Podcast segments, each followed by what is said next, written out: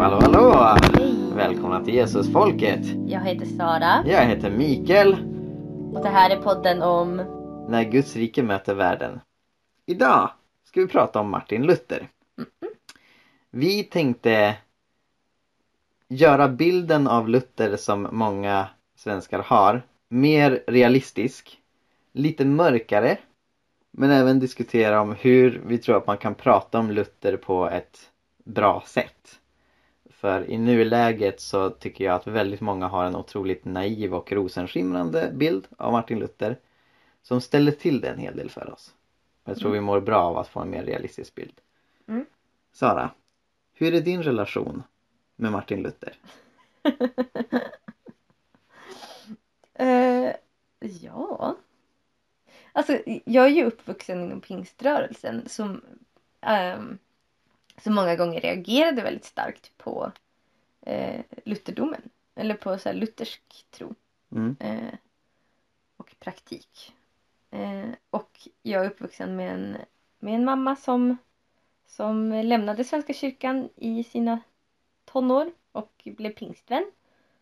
Eh, och också så här med den eh, Ja, den bilden som hon, som hon har gett av, av Luther och lutherdomen har väl kanske inte alltid varit jättepositiv. Mm.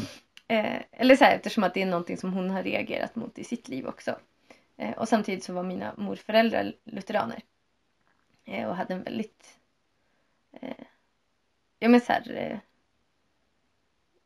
en, en levande tro men såg ju på saker på ett ganska an, annat annorlunda sätt än vad eh, min familj kanske gjorde. Vad var det främst Men- din mamma reagerade på i lutherdomen? Nej, men eh, dels, eh, dels mycket var det ju dopet. Mm. Eh, att, ja men så här att hon såg inte riktigt barndopet som, eller så här, ja. Eller så när hon fick uppleva, uppleva Jesus på ett sätt som hon kanske inte hade gjort i Svenska kyrkan, tyvärr. Eh, nu säger inte jag att man inte kan göra det i Svenska kyrkan, absolut inte. Utan, utan eh, hon hade inte gjort det. Eh, och när hon liksom fick uppleva Gud på riktigt så känns det naturligt för henne att, att döpa sig och sen så kom väl en teologi kring dopet med det, antar jag. Mm. Även om hon som sann pingstvän inte skulle kalla det för teologi. Men var det något specifikt med den historiska personen Martin Luther som hon reagerade på eller var det mer Svenska kyrkan idag som hon mötte? Alltså med Svenska kyrkan idag skulle jag vilja säga. Mm. Eh, alltså, men jag har en ganska icke-existerande relation till själva Martin Luther. Alltså det är mer typ när jag har läst kyrkohistoria Mm. som jag har kommit i kontakt med Luther och sen också historien i skolan så pratar man ju Mm. också en hel del om Luther. Och vad, vad är Eh. en bild som porträtteras där? Att han, eh, jag inte så här, det är typ rent historiskt om reformationen och, och han, eh, han så här, eh, vigde sitt liv åt att reformera, eller inte reformera men att eh, så här, bryta sig ut ur katolska kyrkan och det spridde sig och med hjälp av makten så, så spridde det sig runt i Europa. Eller Mm. framförallt norra Europa och hurra för det för då slipper vi vara katoliker. Typ. Mm. Eh, men jag skulle säga i kyrkohistorien så var det väl mer Alltså när jag läste på universitetsnivå så pratade man ju om eh, Luther och anabaptisterna till exempel som Mm. hade en minst sagt komplicerad relation.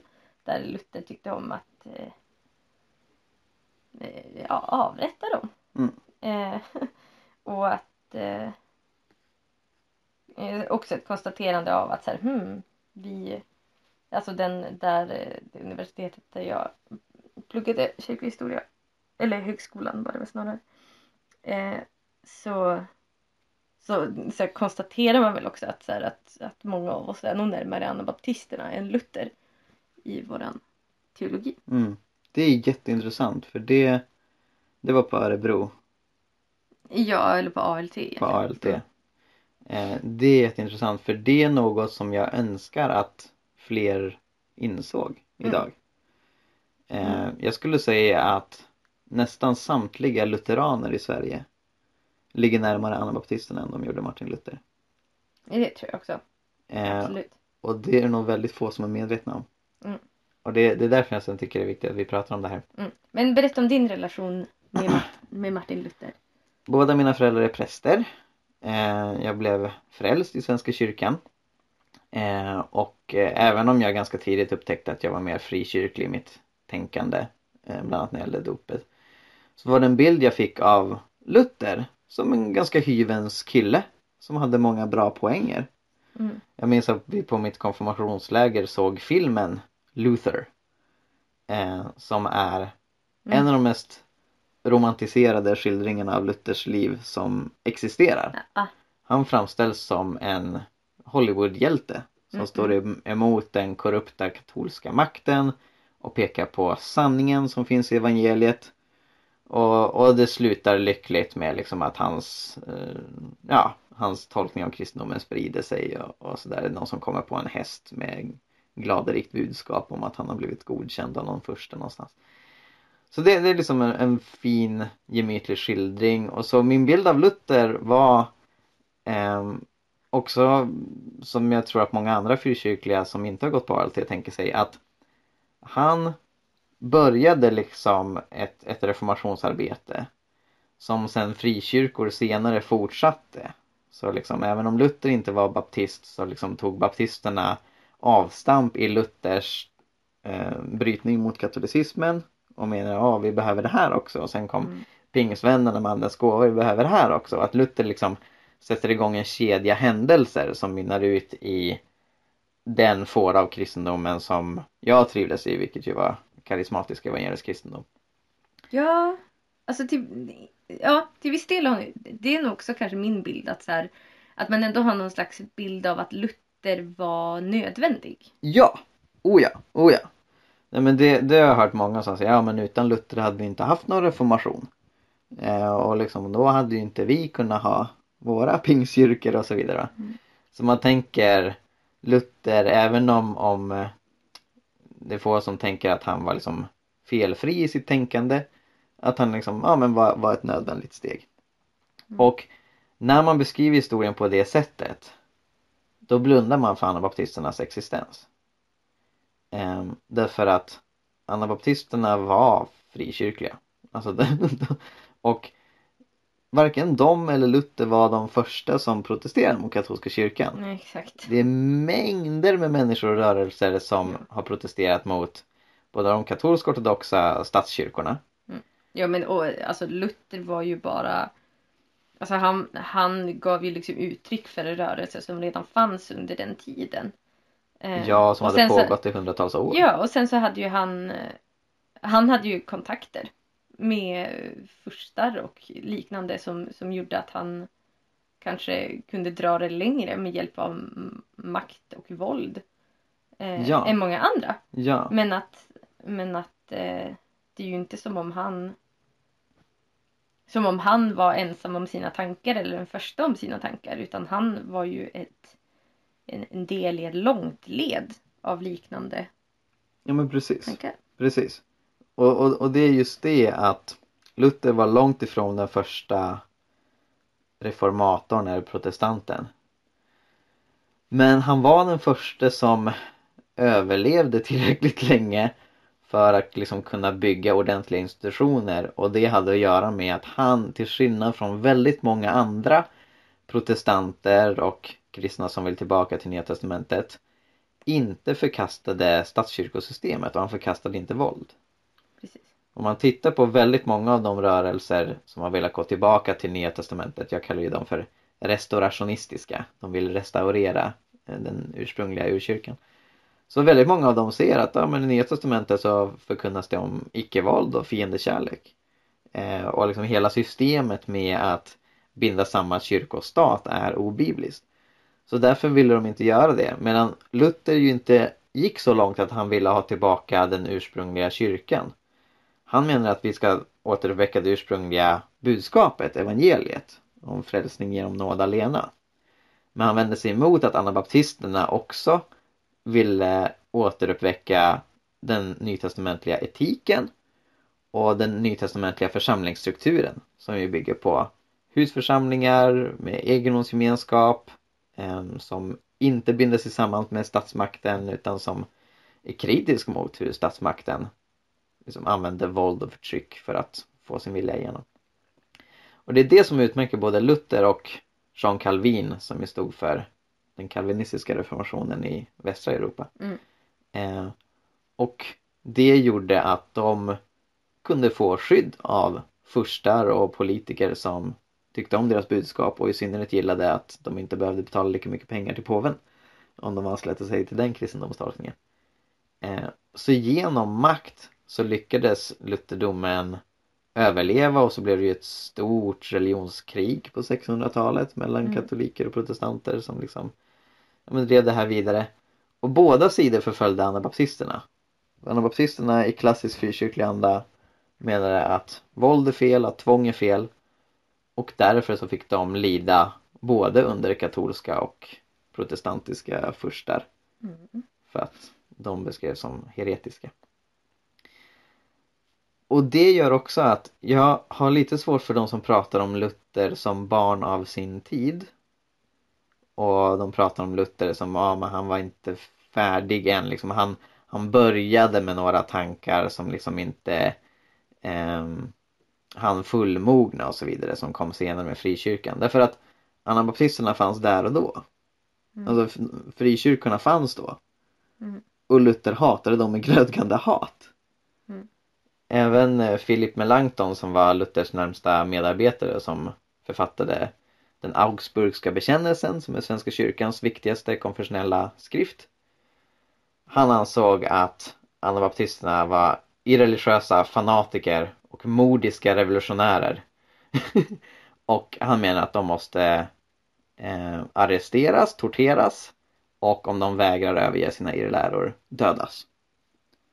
Eh, så när Augsburgska bekännelsen vid olika tillfällen tar upp eh, vi, vi fördömer anabaptisterna som lär det här. Vi fördömer anabaptisterna som säger att eh, vi inte ska använda våld. Vi fördömer anabaptisterna som säger att eh, spädbarn inte kan döpas. Då så betydde ordet fördöma inte bara en tankemässig och teologisk markering, ni har fel. Utan det betyder, de här ska dö. Alltså, de- De här idéerna ska utraderas genom att vi förföljer och dödar de som har de idéerna. Eh, och det här är liksom en otroligt essentiell del av klassisk lutherdom. Att den bekänner sig till våld, den bekänner sig till tvång. Den bekänner sig till statskyrkosystem. Där kungen bestämmer, nu ska alla vara lutheraner och så är alla det. Mm. De vänder sig emot anabaptisternas föreställning att församlingen ska bestå av de troende. De vänder sig emot idén om religionsfrihet. De vänder sig emot idén att människor ska kunna välja vad de tror på. Mm. Och i den bemärkelsen så är det otroligt få kristna som tänker som Luther idag. Mm. Och ändå så, jag tycker också att det är intressant att, att eh, vid prästvigningar så, så måste man ändå bekänna sig till den Augsburga, Augsburgska bekännelsen. Mm.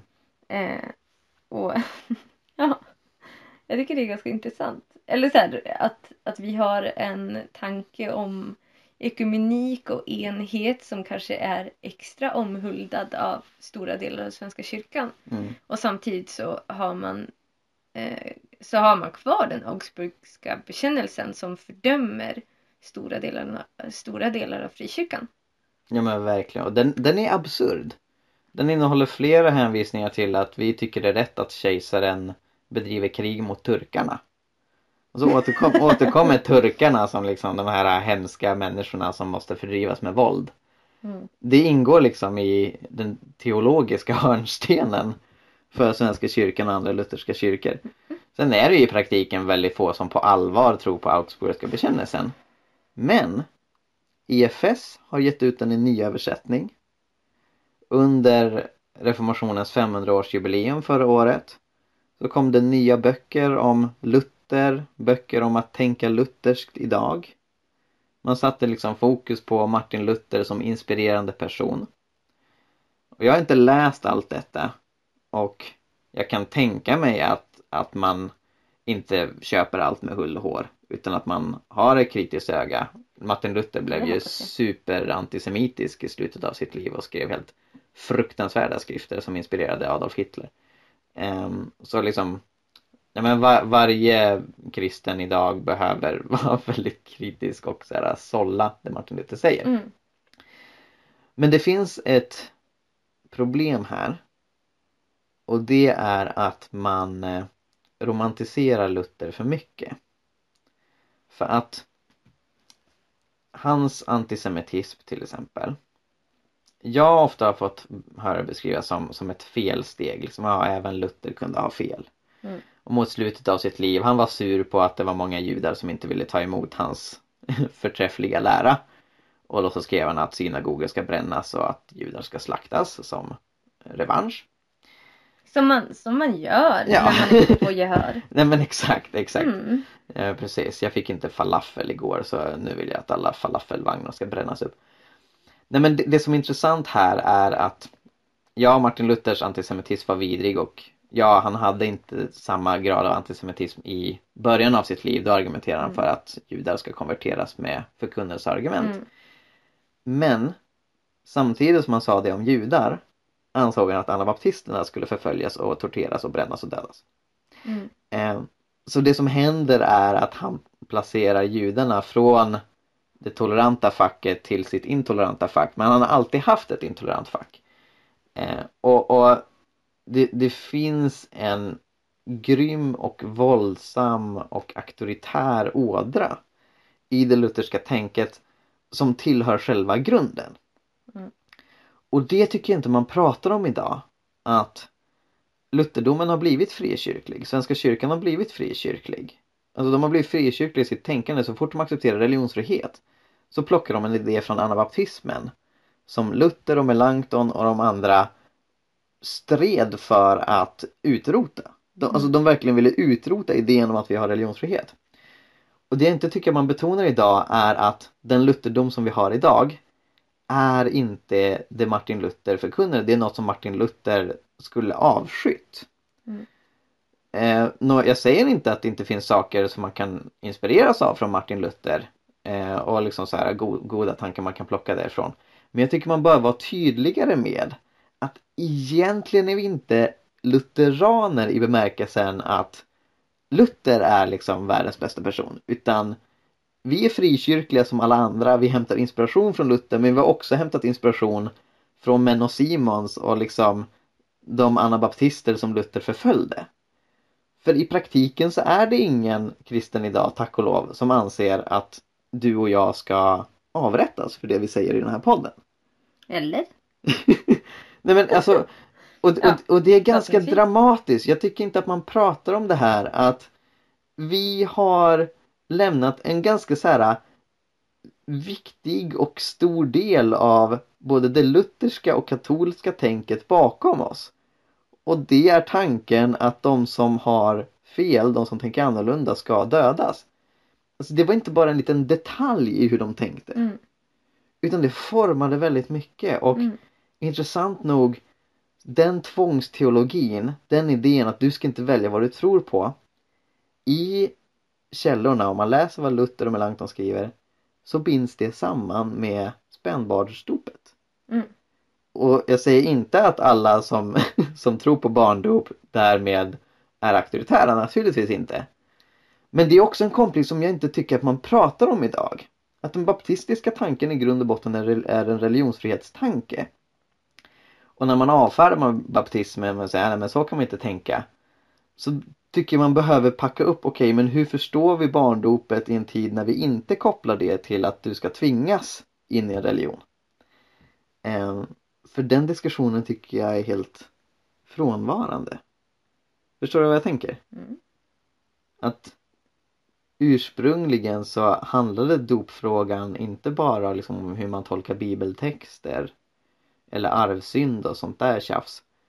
Utan det handlade om, ska du vara fri och tänka som du vill? Eller ska du inte vara det?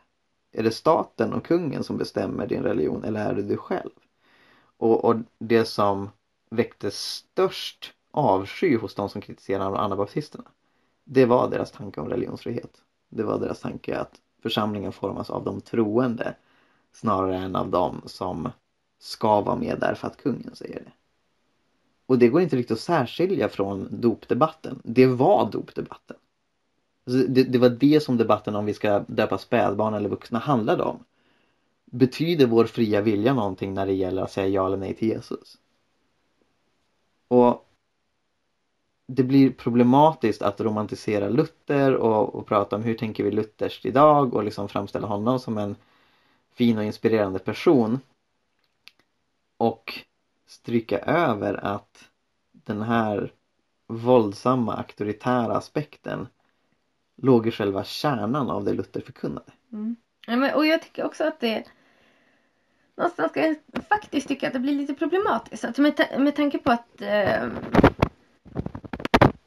med tanke på att, att eh, både EFS och Svenska kyrkan eh, är ja, men, i, många, i många hänseenden mer anabaptistiska eller mer alltså så här, frikyrkliga i sitt sätt att tänka. Mm. Eh, så tycker jag att det är så, så här. Varför ska man då med näbbar och klor så här, hålla sig fast vid den, den del som verkligen särskiljer eh, E- EFS och Svenska kyrkan från frikyrkorna?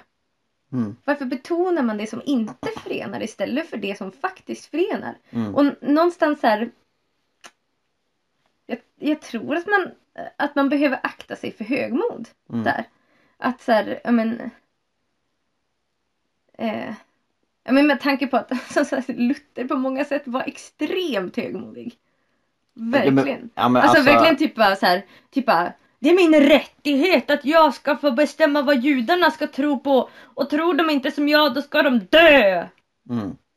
Alltså så här att han blev här, dödade dem för att de inte trodde eller gick med på att tro som han. Så bara men va? Vad är det för himla rättighetstänk? Men, och, och jag tänker så här eh, att det här, att det här högmodet, att det på något sätt sitter kvar. Att, så här, att man vill betona sin annorlundahet från frikyrkor. Med risk för att det faktiskt hamnar i att man gör det på grund av att man lite grann föraktar frikyrkan. Eh, det, jag, jag, jag, jag funderade över det. Mm. Att så här, för varför ska man annars betona verkligen det lutherska arvet och vara så otroligt försiktig med att betona hur man har påverkats av andra sammanhang. Mm. Eh, Ja men verkligen, alltså jag kommer att tänka på att det var en stor debatt för några år sedan om har frikyrkan spelat ut sin roll? Ehm, Det var några frikyrkliga profiler som argumenterade för att nu ska vi gå tillbaka till Svenska kyrkan, vi ska bli en del av Svenska kyrkan, vi ska avskaffa de frikyrkliga samfunden. För det vi har protesterat mot det är åtgärdat typ, eller liksom vi har ingen funktion. Mm. Och då, då ska vi in dit igen. Mm. Eh, och det var ingen diskussion kring hur frikyrklig Svenska kyrkan har blivit. Det är som att liksom så här, det lutherska utgångspunkten mm, och, och det frikyrkliga något extra. mm, Men alltså det är så dramatiskt för om man tittar på det Luther säger ehm, så är det så mycket som är rena rama galenskaper. Alltså han, han uttryckte sig så fruktansvärt. Inte bara om judar, han argumenterar för om han, han skrev på ett ställe eh, om jag hade alla franciskanska munkar i ett hus så skulle jag tända eld på det. Han argumenterar för att det är vår plikt att eh, motarbeta påven med våld.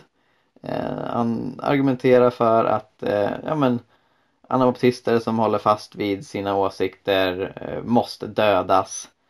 Ehm, han menar att liksom heretiska kristna, eh, om, om de eh, fortsätter liksom hålla fast vid sina ståndpunkter, eh, måste gå till sin eh, sanna mästare, nämligen eh, böden. så, så och, och det, liksom, det finns hur mycket som helst att hitta på nätet, eh, det, det Luther säger. Och, och dels också så här bara ja, men, fula personangrepp. Han var väldigt ful i munnen när han liksom uttalade sig om katoliker och påven och, och så vidare. Eh, och och, och det, det är det som gör det så speciellt att han får statusen som den stora reformatorn.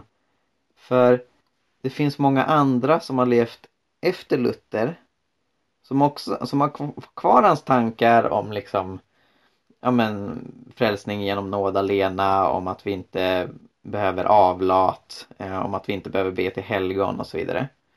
Eh, men som skippar det här med våld och död och tvång och allt det där. Mm. Och det ironiska är att många av dem levde samtidigt som honom. Alltså anabaptisterna kom inte hundra år efter Luther. De var samtida som Luther. Så, så det är det som gör det så, så speciellt och här har vi potential för en väldigt um, en, en, en väldigt, vad är ordet jag letar efter? Fruktrik heter det inte? Men liksom en, en sprudlande ekumenik. Mm. När Lutherska kyrkan som Svenska kyrkan kan erkänna att vi är rätt så frikyrkliga idag. Vi har tagit an idéer hämtat från den frikyrkliga traditionen som är så mycket bättre än de konstiga idéer som Luther hade om att tvinga människor med våld till olika saker. Eh, vi håller fortfarande kvar vid vissa lutherska åsikter om, om barndop och så vidare. Men vi kan se att vi har verkligen tagit stor inspiration av frikyrkligheten och är nyfiken på att lära oss mer. Mm. Finns det fler blinda fläckar som vi har haft? För att vi har följt en man eh, som hade väldigt problematisk syn på människan. Alltså så att, att, mm. att vara emot att, att människor väljer själva vad de tror på och att vara för våld. Det påverkar väldigt mycket. Alltså mm. det säger inte bara saker på liksom hur, hur man beter sig mot sin medmänniska. Utan det säger mycket om ens människosyn. Det säger mycket om ens syn på tron. Och som sagt, det hänger ganska samman med hur man ser på dop, hur man ser liksom på processen att bli kristen. Mm. Så vi behöver diskutera mer och det blir lite ett hyckleri tycker jag att inte alls tycka som Luther eh, och på väldigt många plan liksom vara ganska anti-luthersk. Och samtidigt framställa honom som en klok och inspirerande person som vi kan ta mycket lärdom av och hur, hur lever vi lutherskt idag. Eh, det vore en mycket sundare diskussion om man pratar om hur formulerar vi en ny lutherdom? Hur formulerar vi en frikyrklig lutherdom? Hur, hur eh, samlar vi de här olika tanketraditionerna? Vad är det i lutherdomen som kanske inte funkar på grund av att vi nu inte håller med Luthers syn på våld och tvång? Mm. Vad, vad är det för fler läror som vi hittar brister hos? Mm, ja men nog att, så här, att Svenska kyrkan eh, det är inte längre en statskyrka vilket gör att man måste inte eh, vara våldsbejakande till exempel. Mm. Eh, vilket de allra flesta i Svenska kyrkan absolut inte är. Alltså mm. ledningen absolut inte är. Eh, men att men att, eh, så här, ja, men att nu, nu måste vi inte eller nu måste de inte längre ställa sig bakom en stat mm. i allt. Utan så här, nu, nu har man möjligheten att ta avstånd från det. Mm. Eh, vilket jag tror eh, att den här bekännelsen och starka Luther-romantiseringen kanske eh, håller en tillbaka ifrån. Mm. Ja men exakt. Vilket är tråkigt. Exakt. Nej, men för jag, jag mm. tycker vi ska vara mer öppna och ärliga med att eh, närmast 100% av kristna idag är frikyrkliga.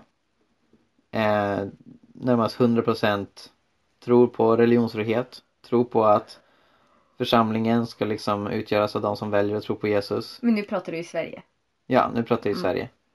Eh, ja, i princip 100% av den kristna befolkningen Eh, om, om de träffade Luther idag och Luther höll kvar sina åsikter skulle säga att eh, du är ganska galen. Visst, jag kan hålla med om några saker du säger men eh, drick lite te, ta det lugnt, sluta vilja döda mig, sluta vilja döda alla andra runt omkring dig. För, för liksom så här, eh, det var inte en liten detalj i det Luther höll på med. Alltså han byggde upp sin form av kristendom genom att alliera sig med politiska furstar som använde våld mot de som tyckte annorlunda. Mm. Ja, men, och det var ju därför som lutherdomen fick en sån spridning också. För att, för att det gick att förena med en stark eh, våldsmakt. Ja, Alltså så här, det gick att förena med krigen man bedrev. Det gick att förena liksom med, med Gustav Vasas idéer om hur Sverige skulle se ut. Och så vidare. ja äh, Vasa gjorde ju en eh, ekonomisk vinst på att Ja. göra Sverige lutherskt. Nej, men, och han fick mer makt som kung. Exakt. på att göra Sverige Exakt. lutherskt.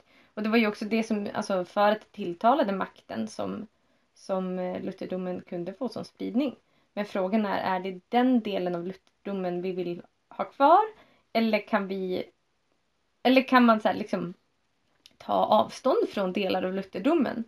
Eh, och kanske ena sig lite mer med resten av, med resten av svensk kyrklighet. Mm, precis. För här, här kommer två tankar från mig hur, hur den här nya frikyrkliga lutherdomen kan se ut. Ehm, Sverige blev lutherskt inte för att det skedde någon väckelse, inte för att människor ville det. Utan Gustav Vasa bestämde det. Sen var det olagligt att vara katolik.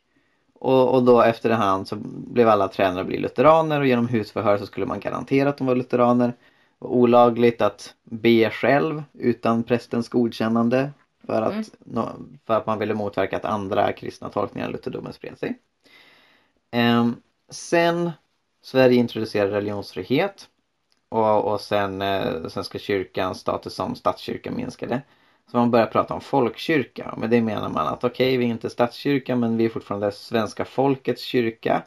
Vi finns tillgängliga för alla och det är inte viktigt vad du tror på utan vi vill gärna att du är medlem ändå. Folk blev medlemmar när de föddes ganska länge. Sen blev det när de döptes som barn, vilket de flesta gör av tradition. Och en, en undersökning visar att 85% av Svenska kyrkans medlemmar inte tror på Jesus. Det här skiljer då Svenska kyrkans struktur väldigt mycket från frikyrkorna. Där man inte betonar folks tro. Utan man säger snarare, ja vad bra att de vill vara med även om de inte tror på Jesus. Eh, och i sitt styrande system så har man politiska partier. Som gör rest från statskyrkans dagar. Eh, det är inte bara politiska partier men de politiska partierna är ganska dominerande och bestämmer. Om man ser att, okej, hela den här strukturen, hela teologin om folkkyrka, allt det här som jag nyss har nämnt härstammar från Luthers våldsamma och auktoritära teologi som vi idag inte håller med om. Om man inser att idag tänker vi frikyrkligt när det gäller religionsfrihet och icke-våld och så vidare. Då bör man på allvar ifrågasätta varför Svenska kyrkan har en identitet som folkkyrka. Varför Svenska kyrkan håller fast vid att mängder med människor som inte tror på Jesus ska vara medlemmar. Och varför Svenska kyrkan tillåter att politiska partier styr och ställer. Varför Svenska kyrkan vill att det är massa människor som inte tror på Jesus som röstar på dessa politiska partier och bestämmer inriktningen för kyrkan. Snarare än att ha den frikyrkliga strukturen. Vilket är att församlingens medlemmar är troende och det är församlingens medlemmar som röstar fram hur kyrkan ska bestämmas. Den demokratiska modell som frikyrkan har använt längre än landet Sverige har varit demokratiskt. Eh, Den tidigaste demokratiska politiska församlingen firar 170 år i år. Och demokratin i Sverige är ungefär 100 år gammal, det var 21 eh, som vi hade allmän rösträtt. Eh, Eller som vi använde för första gången. Så, Eller ja, som, som hela befolkningen fick rösta. ja exakt. För det, Med några det, undantag då såklart. Det tycker jag att är den där vettiga förståelsen. Jag tycker inte att det är en, en demokrati med allmän rösträtt om bara män får rösta. Ja fast, fast också så här, ja men eh, att det var ju först väldigt mycket senare som funktionshindrade fick rösta som människor som hade varit på någon typ av mentalsjukhus fick rösträtt som även Ja, så jag vet Mm. Inte hur allmän var den rösträtten kan Ja, man precis. fråga sig verkligen. Ja, vi kanske har demokrati i 50 år då. I Mm. vilket fall, frikyrkorna har haft det längre. Så jag tycker att man inom Svenska kyrkan bör ha en allvarlig diskussion på att hmm, vi kanske bör bli frikyrkliga även strukturellt och inte bara teologiskt. För man har i princip avskaffat den teologi som låg till grunden för statskyrkan, för folkkyrkan. Mm. Man tror inte längre att det är bra att tvinga människor att tro saker. De, man tror inte att det är bra att tvinga människor in i kyrkan. Mm. Så varför beter man sig som om det for- fortfarande vore fallet? Mm. Det, det tycker jag att det verkligen är dags för. Och, och det innebär ja, men större ödmjukhet, ett större ekumeniskt inlyssnande från frikyrkorna. Hur funkar era modeller? Hur, hur kan vi ställa om till att bli en frikyrka som alla andra? Men så länge man håller på och har någon slags dubbelidentitet som att Svenska kyrkan och andra lutherska kyrkor i Sverige som lutherska bekännelse kyrkan skulle vara lutheranska trots att de förkastar och betraktar med avsky den vålds och tvångsteologi som låg till grunden för den lutherska reformationen. Så har man, ja men är man oärlig mot sig själv, tycker jag. Mm. Jag tycker inte det funkar. Mm. Mm. Mm. Så jag hoppas inte att ni tolkar detta som att så här, eh, vi klankar ner på lutheraner idag för vi känner många fina lutheraner som är jättebra på att följa Jesus. Utan vi poängterar snarare liksom ja, men problemet överhuvudtaget att kalla det lutherdom. I, Ja, i, tyska, I Tyskland säger man ju evangelisk Ja. kristendom. Nej men för att någonstans är det väl snarare typ ett semantiskt problem. Ja men det är inte Mm. bara semantiskt för att man också hyllar Luther som person och lyfter fram Luther som person som inspirerande. ja, ju för sig. Men, men den aspekten finns definitivt där. Men- men jag Ska man sluta inte- prata om lutherdom Jag tycker enkelt? inte att det är jätteproblem. Alltså jag tycker inte att det är fel att lyfta fram Luther som person eh, och titta på vissa aspekter av honom som är inspirerande. Så, om man, om man samtidigt kan lyfta fram eh, ja, men så här, anabaptister eller an, alltså så här, frikyrkliga inspirerande människor Mm. eh, som, som precis lika, ins, alltså så här, lika mycket förebilder. För det var ju inte som om så här, Luther inte på något område var en förebild. Eh, utan utan så här, problemet är snarare att man lyfter fram honom över alla andra, framför alla andra. Mm. Eh, Nej men precis, och jag en lutheran skulle tänka annorlunda i hur mycket inspirerad han är. Alltså all, av det jag har läst av Luther så, så är det väldigt lite korn av sanning som jag ser. Men jag tänker ju också teologiskt annorlunda än lutheran. Om till exempel dop och nattvard och sakrament och så vidare. Mm. Ehm, och, och som sagt, det jag tycker man bör vara mer tydlig med är ju hur det här uh, nej, men hans syn på våld och tvång i synnerhet intimt hänger samman med många andra teologiska idéer. Mm. Det är det som jag tycker gör det svårt att prata om som inspirerande. Jag tror att man definitivt kan ta lärdom. Men jag tycker att kristna i allmänhet bör bli mer nyktra när det gäller Luther. Och se vad, vad är det egentligen han säger för att Mm. det är väldigt mycket som är fult och eh, ganska groteskt eh, i hans resonemang. ja, och, och, och så här, ja, men, djupt kränkande av många grupper.